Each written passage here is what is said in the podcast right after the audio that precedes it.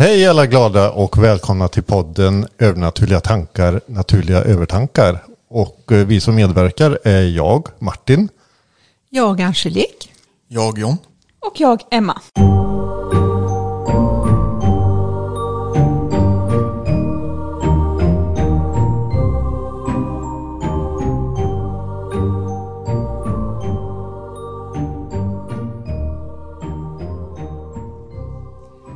Tänkte på en sak, jag är väldigt intresserad av just de här skyddsänglar. Och då tänker jag på den serien som var med Birkan Tore, Räddad av änglar. Att vad är det för någonting? Och eh, vad som händer egentligen? Vad har ni för tankar om det? Om vad? Skyddsänglar? Trevligt. Ja, gott. Eh, Tack för idag. jag har alltid personligen tänkt, eh, trott på skyddsänglar. Eh, jag vet, det var en upplevelse jag hade när jag var barn, när jag var på vi hade sommarlov och så cyklade jag tillsammans med en kompis och Sverige stannat vid vägkanten. Och helt plötsligt så, jag står ändå och håller fötterna på marken, men helt plötsligt så börjar min cykel glida ut i vägen. Eh, och jag får cykeln över mig så att jag hinner inte få liksom komma upp innan en bil kommer i ganska hög hastighet. Och bilen tvärstan, eller tvärnitar precis så att det får plats en människa emellan mig och bilen. Och både jag och min kompis då eh, sa att det stod någon där.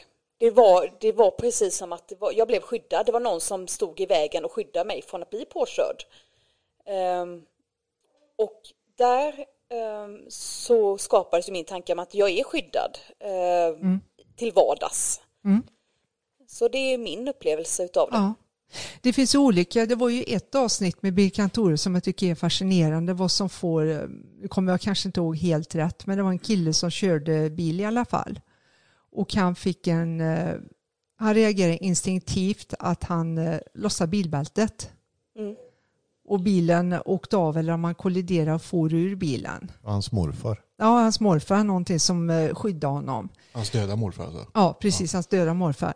Och det är väldigt intressant tycker jag för att skyddsängeln, då kan man ju tänka sig att det är en ängel med vingar eller någonting, men det kan ju finnas i andra former. Mm. Där det har eh, framkommit i många berättelser att en helt okänd människa agerar och räddar dig.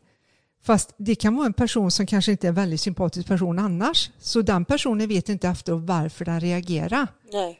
Att det kan ju finnas, eh, de brukar säga ibland att eh, änglar är människobeklädnad. Men att det sker någonting som ingen kan förklara egentligen. Varför reagerar du så? Mm. Så skyddsänglar tror jag vi alla har ibland så jobbar de för högtryck. Mm. Och jag tror också som så på den fria viljan. Och den fria viljan är ju att inget eller ingen kan påverka din vilja oavsett vad du tror på. Men en av de få gångerna som energierna går in och agerar det är när det kanske är så att din tid inte är ute. Mm. Det händer någonting mänskliga faktorn och då så kan du frontalkrocka med en bil med din bil och det, den är eh, ihoptryckt som ett frimärke och du kommer ut med skrubbsår och då står det i tidningen änglavakt. Mm. Och då kan man verkligen säga det är änglavakt. Mm. Undrar vad de tänker när de skriver i tidningarna. De skriver änglavakt som ja. de, de vet vad de... Det är ju bara ett uttryck egentligen. Ja. Ja, men hade det är bara tur som att, ja, och... Mm. Ja, det är änglavakt. Ja. Jag, jag, tänker ju också på det här, nu kommer inte jag ihåg vad den filmen heter, men när det är en, skol, eller en skola i USA, en små... Eh, eh, vet du, eh, förskola. Förskola. Det är ju den vi kollar på, amerikanska eh, ja, just det. miraklet i... Coquish. Vad hette den? Vad heter, vad heter den ja? Coke Miracle. Coke. Ja. Mexikansk drog. något åt det ja, något, ja. Mm. Men där är det ju verkligen att, för det är ju taget från sanna händelser. Ja, precis. Och det var väl en bomb va, som exploderade? Eller, mm. Mm. Uh, och där barnen och förskollärarna sitter i ringen och de ser ljus runt om dem som ett skydd. Ja. De är alltså i samma rum som bomben. Ja, mm. ja precis. Och alla, och alla överlever. Ja. Mm. Och sen att vissa av dem också fick eh, instruktioner eh, ja. från andra sidan. Precis, eh, energier, personer, andar som de kunde se som sa att de skulle flytta sig närmare fönstret. Flytta sig eller? närmare, sätta ja. sig tätare ihop eller liksom. Eh, precis. För det tänker jag är ju verkligen ett sånt exempel där mm. det går inte förklara med eh, logik att alla överlevde för att det var egentligen omöjligt att de skulle ha gjort det. Mm. Och just det att de kunde, de kunde alltså beskriva de här ja. skyddsänglarna. Ja. Och det visade ju sig att det var någons eh, typ mormor eller farmor bland ja, annat. Precis. Som, som liksom var den personen ja. som hade varit där och skyddat. Jag tycker det, det var en sån mäktig och vacker film. Just för att det var... Mm. Den är ju otroligt mäktig och då är det ju en högre kraft. Och det, det tänker jag på, vi tänker nog inte på vad mycket att de kanske jobbar i skift ibland för att um, när vi står frustrerade vid ett rödljus och kanske är lite försenade så sitter vi där och är frustrerade istället för att kanske tänka att jag är på rätt tid, rätt plats mm. eller hamnar i fel kö i affären. Ja. Att du kanske inte ska iväg då. Nej. Och då kommer jag att tänka på en händelse när jag och eh, våran vår son Cody, vi hade varit på McDonalds och köpt hämtmat och vi hade en liten Hyundai, en liten plåtbil och hade satt hans dricka, muggdricka emellan sätena i en hållare. Och så höll de på att bygga om till en rondell precis där vi skulle på stora vägen och upp på en stor bro, Stallbackabron. Och när jag gjorde en liten, liten sväng innan jag kom ut i den här påbörjade rondellen så välte drickan och det började åka ut över golvet och jag kör åt sidan. Det var en liten ficka bara som antagligen grävmaskinerna hade eh, för sina maskiner då. Och stannar och börjar to to torka upp drickan och svär lite och sådana här grejer. Och sen eh, när det upptorkat tänkte jag, äh, vi har dricka hemma. Så kollar jag backspegeln, blinkar och kör ut. Och precis när jag är på väg upp till bron så sker det en seriekrock. Mm. Och då säger Cody att det kanske var meningen att drickan spilles ut. Det vi kan uppleva som en negativ händelse faktiskt ja. är en räddning, fast det tänker vi inte på. Nej. För det är en räcka av händelser. Eller man säger så, och vilken tur att jag inte kom där, vilken tur. Frågan om det är tur. Ja. För just då när du skulle åka kanske du inte hittar dina bilnycklar. Och du letar och letar och letar, helt plötsligt ser de på ett ställe du redan har kollat. Då blir man bara frustrerad, men egentligen kanske det är en välsignelse. Ja. Nej, men det tänker jag också på när John och jag skulle upp och hämta vår senaste katt mm. i Stockholm. Mm. Och vi är på väg. Och du ringer oss Angelique och säger att jag tycker inte ni ska åka idag. Jag fick en dålig känsla. Och Anna hade drömt den natten att vi volta med bilen. Eh, nu ringde inte mamma oss och sa det. Jag ringde mamma när ja. bromsarna låste sig. Ja, för det var det, ja, det var det jag skulle komma till. Att... Som, vi har inte haft några problem med bromsarna innan. Nej, just det. Och sen rätt som det så låser de sig. Vi kommer nästan ingenstans. Så vi väljer att åka tillbaka. Och när jag åkt tillbaka i fem minuter så släpper bromsarna helt plötsligt. Alltså låsningen ja, släpper. Mm. Så att vad som hände vet jag inte. Men... Och då ringer vi Angelica, så är det. Mm. Och då får vi veta att du tyckte att vi inte skulle åka och Anna hade drömt en mardröm. Så ja. vi visste inte det förrän... Nej, och jag var, jag var helt lugn tills Anna pratade med mig och sa vad hon hade drömt. Ja. Och då fick jag den här ångestklumpen i magen och jag skulle ut och gå med en kompis så jag sa till henne så här, men jag kan ju inte säga till John och Emma att de ska stanna för att vända och sådär. Men det släppte inte. Nej. Och då ringde John. Och då kan jag säga det att oh, jag blir så lättad, ni ska inte åka idag. Nej, just det.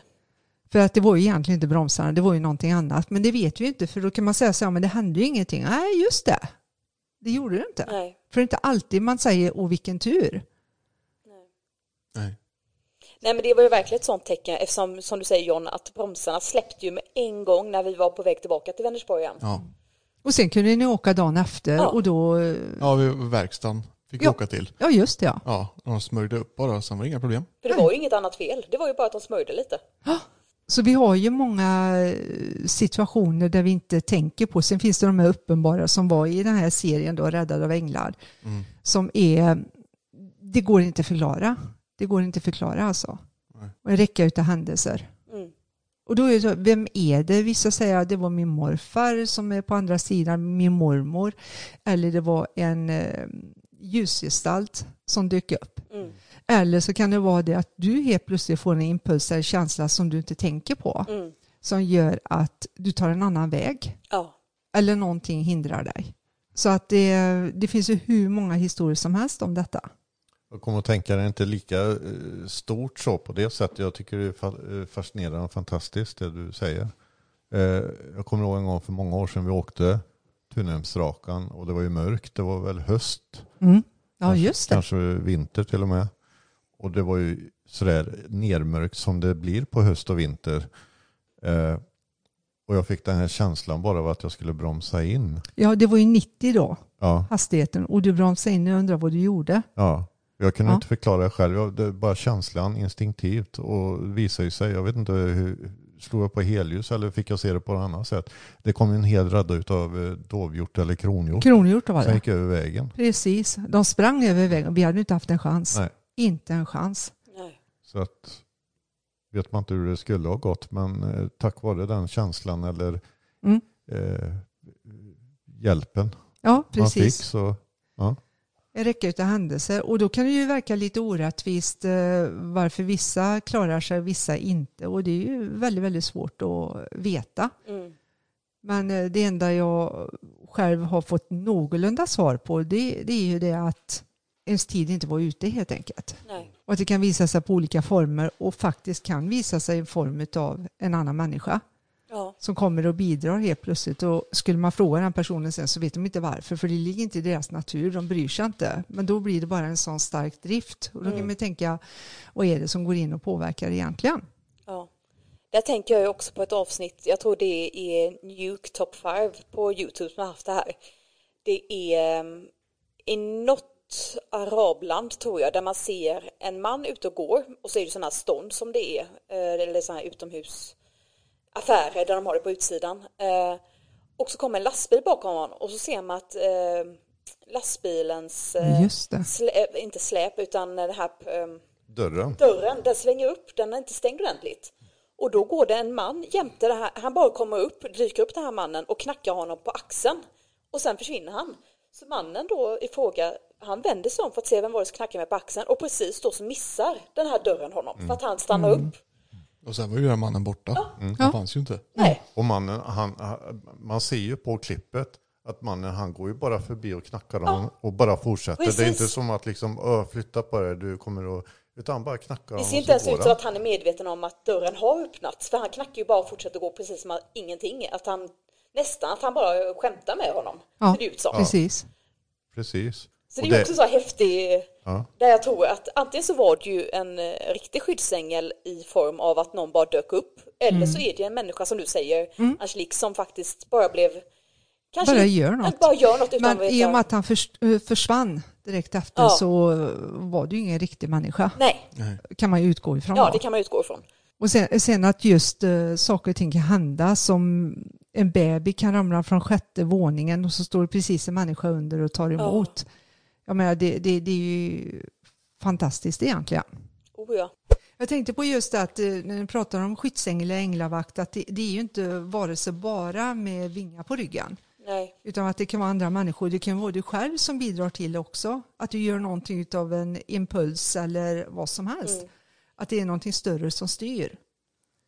Likväl som, som en kan säga när en eh, pratar om just att eh, ens farmor har dött eller någonting och hon alltid har sagt att eh, när jag har dött så kommer jag som en duva eller någonting sånt där och några dagar efter hon har dött så kommer det en duva. Hon är ju inte duvan men att det, det är någonting som gör att duvan just flyger och visar upp sig. Ja. Och så kan jag tänka med, med skyddsenergier också. Att det behöver inte bara vara det här sakrala, det här stora. nej. Det kan vara i en vanlig vardag. Ja, så tänker jag med. Och att vi faktiskt är väldigt eh, skyddade eh, på ett sätt. Så försöker jag tänka, för nu, nu blir jag inte frustrerad över fel kö i kassan eh, i affären. Nu blir jag inte frustrerad över rödljuset eller någonting, för jag ser ju inte hela bilden. Nej, Så tänker jag att jag, jag är ju precis där jag ska vara. så brukar jag tänka med. Och det vet jag också när jag råkat ut för när jag var väldigt ouppmärksam. Jag fick en magkänsla av att jag skulle vänta, jag hade fått akupunktur och då sa akupunktören att ta nu vänta en kvart innan du kör. Men jag hade bråttom iväg och sen skulle bilen besiktigas så det var en tid att passa så jag sätter mig och kör och är oupp- ouppmärksam i en korsning och kör rätt in i bilen framför. Och då tänker jag, hade jag suttit där en kvart så hade ju inte det skett Nej, en räcka av händelser så att säga om jag hade lyssnat på min känsla. Å andra sidan så kanske det var bättre att råka köra in i bakdelen av den bilen än att råka ut för något annat på den stora ja, vägen. den kanske var ett Det stopp vet man. på vägen. Ja, man vet ju inte.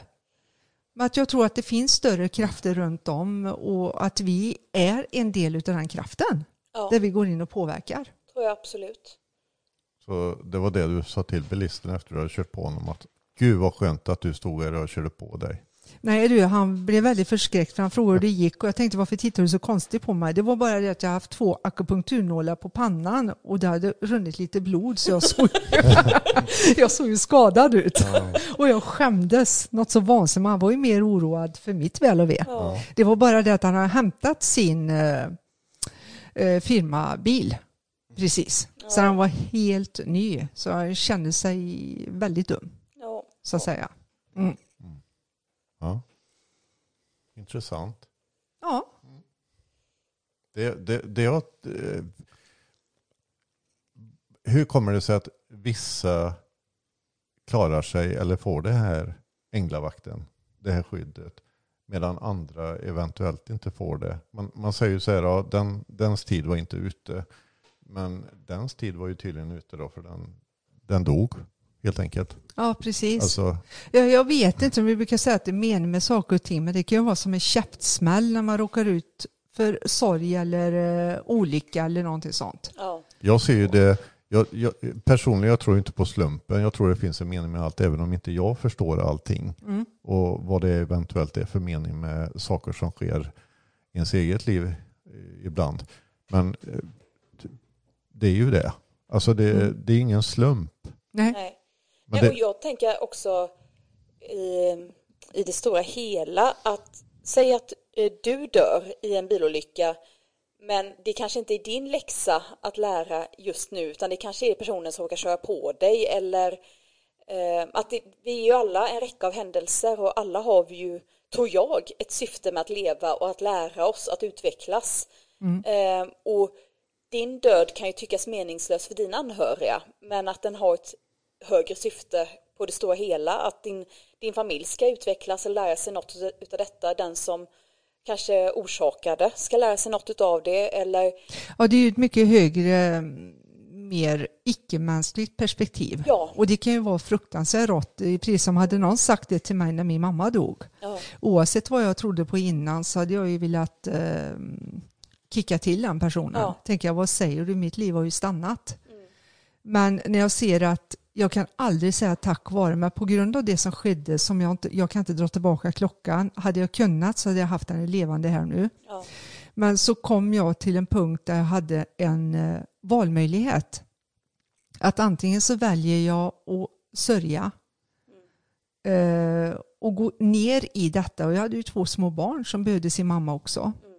Eller så väljer jag att göra det bästa jag kan. Att bli den bästa Angelique eller för att visa henne respekt att leva så bra liv som möjligt. För det hade jag ju velat om jag hade dött så hade jag inte velat att min mamma skulle leva olycklig och i en blöt fläck utav sorg resten av livet. Nej. Jag hade ju velat att hon skulle skratta igen och fortsätta framåt. Mm. Så det hjälpte mig men det tog tid. Så allting jag trodde på innan, det finns mening med saker och ting och vissa har läxor och sånt där, det, det kunde jag inte köpa just då. nej, För att det, det verkligheten, jag är ju dock också människa, verkligheten blir så brutal. Så kommer någon och säger något sånt, alltså att det finns en mening, det finns en plan, jag hade ju blivit rasande. Men när man hämtar sig lite och så kan man kanske tänka ur ett större perspektiv än det mänskliga. Och det är ju där vi låser oss ibland. Eh, som vi har pratat förut om personlig utveckling och allting. Vi låser oss ibland för att vi, vi stannar kvar i en känsla och då är det risk att vi fastnar där. ja, Men säger, den tron jag har, det har ju hjälpt mig enormt mycket att kunna gå vidare. För jag, enligt min tro så ses vi igen. Och att Ja. hon finns i närheten. Och när vi pratar om skyddsänglar så kan jag nämna en händelse som var efter hon hade gått bort då och jag hade skilt mig så bodde jag ensam med mina barn och jag älskar att ha tända ljus och sånt. Och ungarna hade lagt sig och jag hade lagt mig och somnat och så vaknade jag utav att jag hörde min mamma säga Angelique med väldigt bestämd röst. Och det är så att min mamma sa bara Angelique när jag inte hade lyssnat, jag hade gjort något fel annars var det snutt. ja, Och jag tänkte vad är detta? Så här, och precis så på att slumra igen så hörde jag igen Angelique. Och då kände jag att jag är tvungen att gå upp och kolla läget. Så jag kollade i barnkammaren och det var lugnt alltså kom jag till köket. Och där hade jag glömt det tända stearinljuset så ljusmanschetten, stearinet, ljuset hade brunnit ner och ljusmanschetten började fatta eld. ja. Och det kan man snacka om en skyddsängel. Mm. Oh ja. Och så var det en gång när jag skulle göra en omkörning också så hörde jag henne ropa bara högt Angelique, som skrek i huvudet på mig. Då avbröt jag omkörningen och lyckades lägga mig bakom långtradaren. Då kommer det en bil från en sidoväg i full fart. ja. Så det har blivit frontalkrock. Mm. Så där kan man se, hitta det här, här var det någonting utöver. Mm.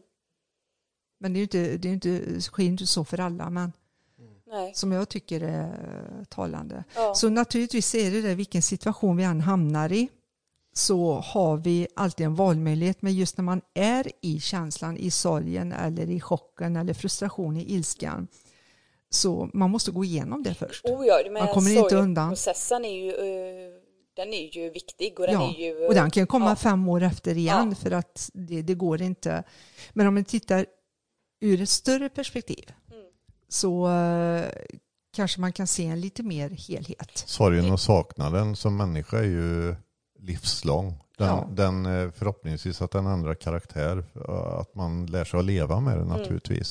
Och hittar en balans ändå. Mm. Men eh, Vem var det som kom på uttrycket tidigt tiden läker alla sår? jag vet inte, men jag tyckte att det, det var någonting som störde mig förr. För jag sa det av att, eh, till folk då när jag var eh, på det humöret. Mm. Då sa jag det, nej tiden läker inga sår. Antingen lär du leva med det eller- inte. Mm. Det finns inget kanske om ifall att. Nej. Utan det, det, jag var väldigt svart Är och inte det vit i mer eh, logiskt egentligen att man lär sig?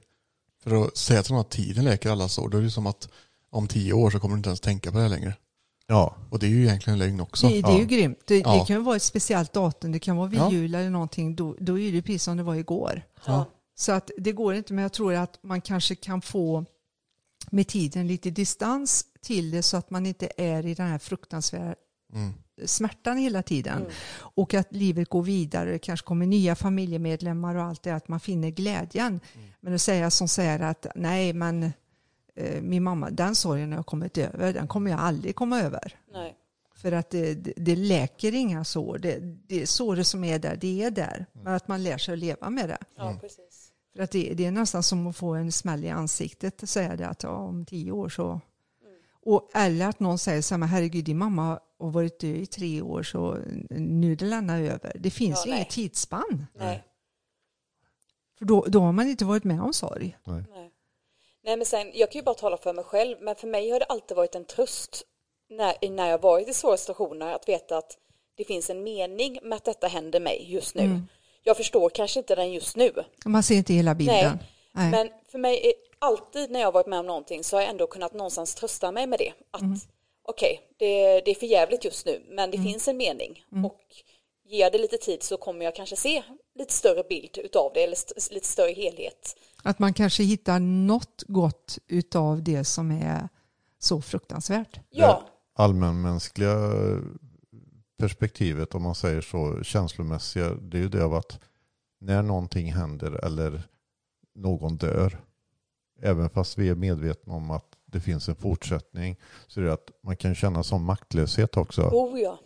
Det är just det att du kan inte göra någonting. Nej. Alltså jo, du kan göra någonting, men du kan inte göra någonting för att eh, eventuellt eh, hjälpa eller rädda den personen. Eller om det är ett djur, Mm. eh, en kär familjemedlem. Så Ja. att det är ju så.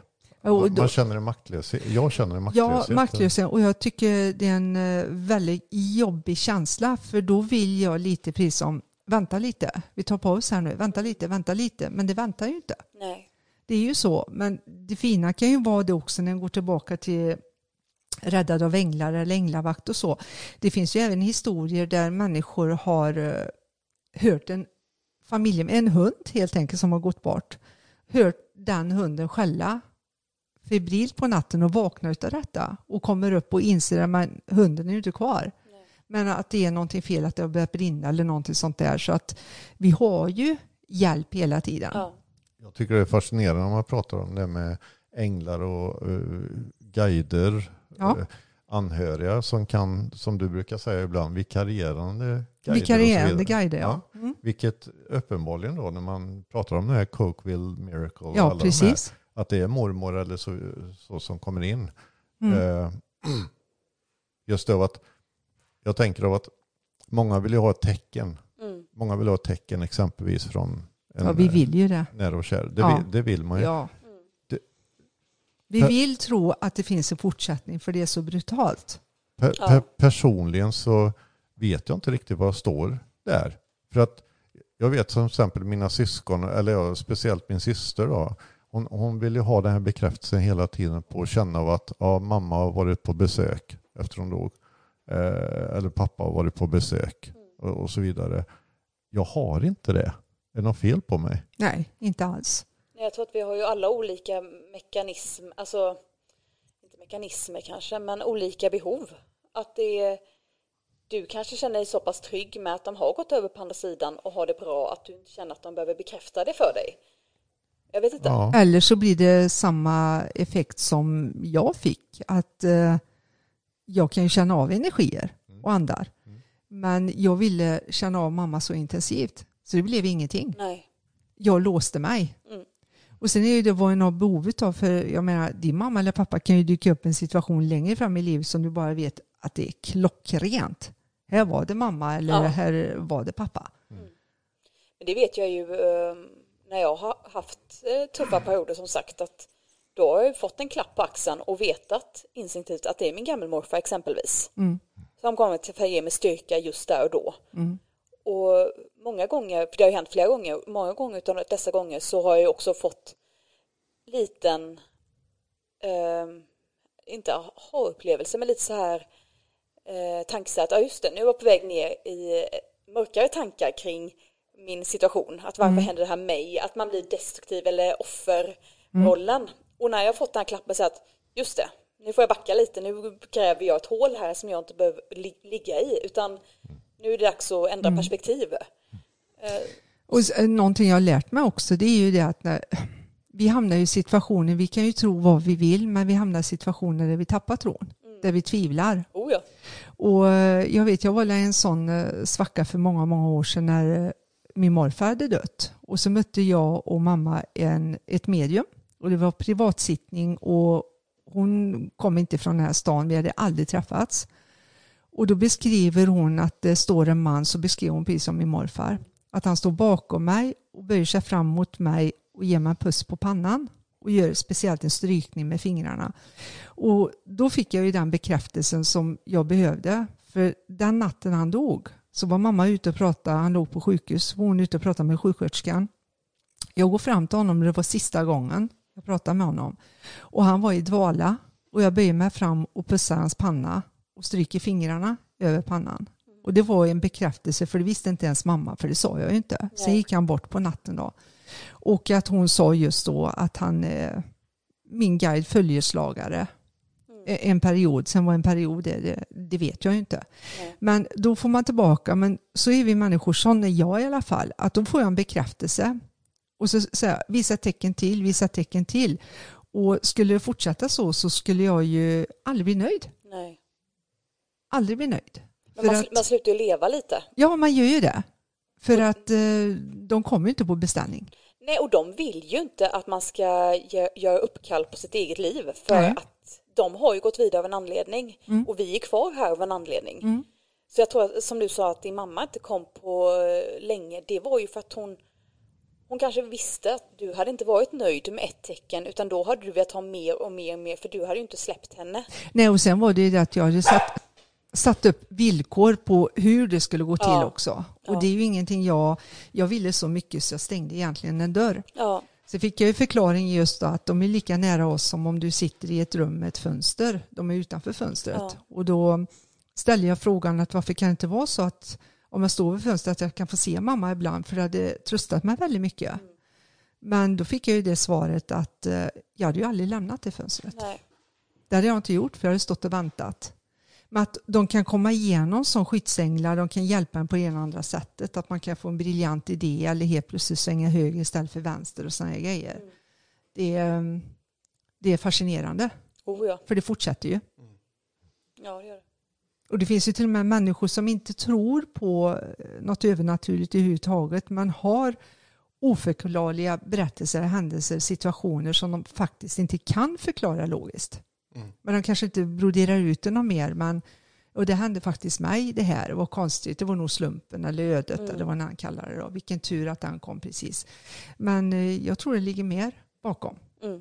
faktiskt. Jag, ty jag tycker det är intressant också, de som får tecken, de som ser och hör och känner saker av nära och kära och allt vad det nu är. Eh, exempelvis vi, vi har ju klienter, vi gör husrensningar, eh, rensa folks hem. Och man ser ju saker och får till sig saker och upplever saker och så gör man allt man kan för att hjälpa.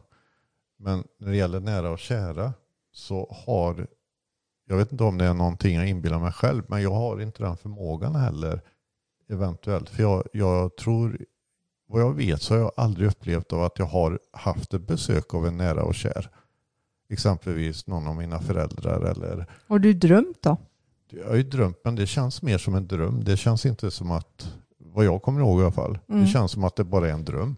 För Alltså, of, ofta så är det ju det, det vi tror är drömmar kan ju faktiskt vara ett möte. Men att vi har lättare att acceptera en dröm, för en dröm är ju en dröm. ja, samtidigt kan jag känna lite, låter väl känslokallt men det är inte så jag menar. Men jag har inte det behovet heller. Ja, men då, då Jag vet är inte. det löst. Ja, ja, ja, Ja. visst, absolut. Men, men jag kan tänka någon gång kan jag naturligtvis tycka emellanåt att visst, det vore ju jättetrevligt att få ett tecken. För att jag saknar ju dem naturligtvis. Och jag hade ju hellre sett av att de hade levt kvar några år till. Mm. Så. Men Men frågan är vilket tecken du hade kollat efter om du inte kollat efter något tecken. Ja, precis. Vad är det som blir ett tecken som att man förstår? Jag kommer att tänka på den här, eh, vad är den, Sanna, sån här eh, jättereligiösa eh, kaptenen på en båt. Mm. Den kapsejsade, han var ju, sa ju att Guds hand ska rädda mig, jag ska alltså, Ja, han ska rädda mig i havet. Och så kommer det både båtar och helikoptrar och de Ja, försöker det. plocka upp honom men ja, just det. Han väntar på Guds Ja, han hand. väntar på Guds hand så han drunknar till slut. Ja. Och det är alltså att man väntar på ett bevis som man tror att beviset ska se ut. Och så skicka... Ja, och så får han hjälp hela tiden ändå fast det var inte det, var inte det han ville. Nej. Så jag tänker just det här med bevis om man inte... Ja det är svårt. Det, är- det är ju det att det, som jag säger, det blir villkorligt. Det var lite så som jag satte med mamma. Mm. Att hon ska dyka upp. Hon dök upp en gång och jag märkte, men jag blev ju inte nöjd. Nej. Jag bara fortsatte och jag tänker på en patient jag hade för många, många år sedan. när Jag jobbade inom vården då och, och han var väldigt, väldigt religiös. Han, han råkade ut för en stroke rätt tidig ålder. Och han vägrade träna. Han vägrade att jobba och samarbeta med arbetsterapeuter, sjukgymnast och allting för att han sa det, är det Guds vilja att jag ska gå så går jag. Och då sa jag, kan du inte tänka dig att de är Guds förlängda hand då? Mm. Att de kommer i en form där du får, men han vägrade. Han eh, blev sängliggande tills han eh, gick bort då. Ja. Så han hade ju alla förutsättningar att träna upp muskulaturen men tron är så stark så jag tror vi sätter väldigt mycket, det ska vara på ett speciellt sätt och helst om det har varit det en gång eller någon har beskrivit det ska det vara på det sättet men det kan ju vara hur många tecken som helst egentligen. Oh, ja. Oh, ja. Jag kommer att tänka på den också, vi pratar om tecken. Eh, hon, jag vet inte vilket program det var med hon kvinnan från USA som skaffade en eh, bandspelare Mm. och fick tag i sin avlidna son. Ja. Och hon gick så in för det här så hon blev manisk. Ja. Ja, det Hon levde nästan för att spela in hela tiden. Ja. Mm. Om hon fick tag på, så ibland kom det igenom annat. Men hon varje dag, Mm. hela tiden. Då slutade hon leva med andra ord. Ja, så hon var ju tvungen att få henne att sluta med det här för att hon hade inget liv. Det Nej. blev en negativ Ja. grej utav det. För henne var det bara som hon ville bara prata med honom hela tiden. Ja. Och då, då sörjer man ju inte och då kan man inte gå vidare.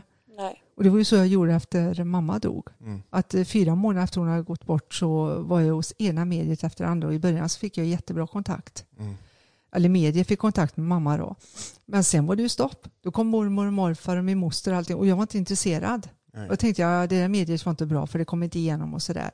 Men eh, till slut så var det ett medium som sa det att det är du som stänger alla dörrar för att du kan inte, för jag mådde ju bra i två veckor, sen vill jag till medium igen. För jag kunde inte släppa. Jag tänkte på andra sidan. Men jag vill ju ha det här fysiska. Ja. Att jag blir hög utav, oh, hon finns fortfarande här, jag känner henne och de sa så och så. Jag gjorde ju mig beroende. Så till slut fick jag lägga ner det för att hon kom aldrig igenom det sista. Nej. Så att, eh, Men hur känner du nu då, som idag? Förutom att du naturligtvis vill ha henne här, men alltså, eh, konstigt nog så känns det okej. Ja visst kan jag hamna i situationer, jag ser gravstenen, att hon inte blev så gammal och att det är ironiskt och frustrerande. Men eh, det känns helt okej och jag vet ju att hon finns och dyker inte upp på min beställning, absolut inte. Men helt plötsligt så kan jag känna hennes närvaro och det kan vara en strykning mot kinden och då blir jag lite, nej jag blir väldigt förvånad över att jag tror att jag kommer ihåg allt om henne. Men så just då inser jag att jag hade glömt av hur hennes händer kändes. Och det ger ju mig jättemycket men samma fenomen inträffar varje gång. Att jag vill ha mer. Ja. Jag vill ha mer. Men men det det, känns okej. Det, du det vet gör det. någon gång du sa, eh, hon kom, när jag fick healing, Mm. nu när jag är gravid, så kom hon just för att lite visa på att barnet är med oss, att det mår Mm. bra. Och då vet du, du sa till mig att du, du är jätteglad för att hon kommer, men hon kommer ju inte till mig. Mm. Nej, att det blev en sån känsla att, Ja. Och förr kunde jag bli sårad och lite stött och tänkte att jag gjort fel så jag drömde drömmar om att jag hade svikit henne och allt Ja. möjligt. Men det var ju bara påhitt. För att eh, det var inte det att hon inte ville komma till mig. Men jag, jag hade egentligen inget behov av henne så som jag trodde. Jag Nej. var tvungen att utvecklas och utvecklas fortfarande då till det jag ska göra. Mm. Men jag vet att hon finns där ja, det, konstigt nog så kan jag önska att få träffa min mormor mm, och henne träffar jag nästan varje gång. Det är otroligt. Och då kan man tänka så här, vi hade ju vi hade en nära relation men inte så som jag och mamma hade. nej, Men eh, det är inga problem. Det är kanske därför du får träffa henne. För att du Ja. lägger inte lika stor vikt vid Nej, jag gör att du vill ha mer och att du... Nej, för att det, efter så många år så har jag fortfarande, det, det är ju alltså 30 år sedan nu mamma gick bort, Mm. Har jag fortfarande den här tendensen i mig, för jag är ju ändå människa också. ja, att jag vill ha mer, jag vill ha mer, jag vill ha mer. Och det är risk att man blir sån här kvinnan som fick kontakt med sin son. Mm. Att man låser sig. mm, Men nu är det inte så viktigt. Nu känner jag inte att jag behöver springa till ett medium eller till någon annan för att få en bekräftelse på för jag vet. Och så vet jag det att de gånger i livet jag har tvivlat på min förmåga och på allting jag trott på att det är helt okej. för det är så man får en ännu mer stärkt tro. mm. Helt enkelt. Mm. Men det finns så mycket mer runt omkring oss som Ja. skyddar oss. Till och med, så tänk på det, i den mest frust- frustrerande situation när du står i fel kö. ja, Mm. Eller vid rödljus. Eller bilen att du krånglar. bilen krånglar. Ja, precis. Att det kan vara en välsignelse för risk för att låta, Mm. religiöst då. Men också för att det, det gör ju att du håller en positiv attityd till livet. Att du alltid tänker att det kanske finns något positivt i detta. Precis, då går man inte in i det, då ökar man sin vibration istället. Ja. Det finns en mening jag inte känner till eller universum har en plan. Det hjälper mig väldigt mycket att tänka något jag inte ser just nu. Ja, Det är hjälpsamt. ja, Så det är lite tips på vägen. Ja. Mm. Rundar vi av denna gången. ja. Mm. Tack så mycket. Ha det så gott. Hej då.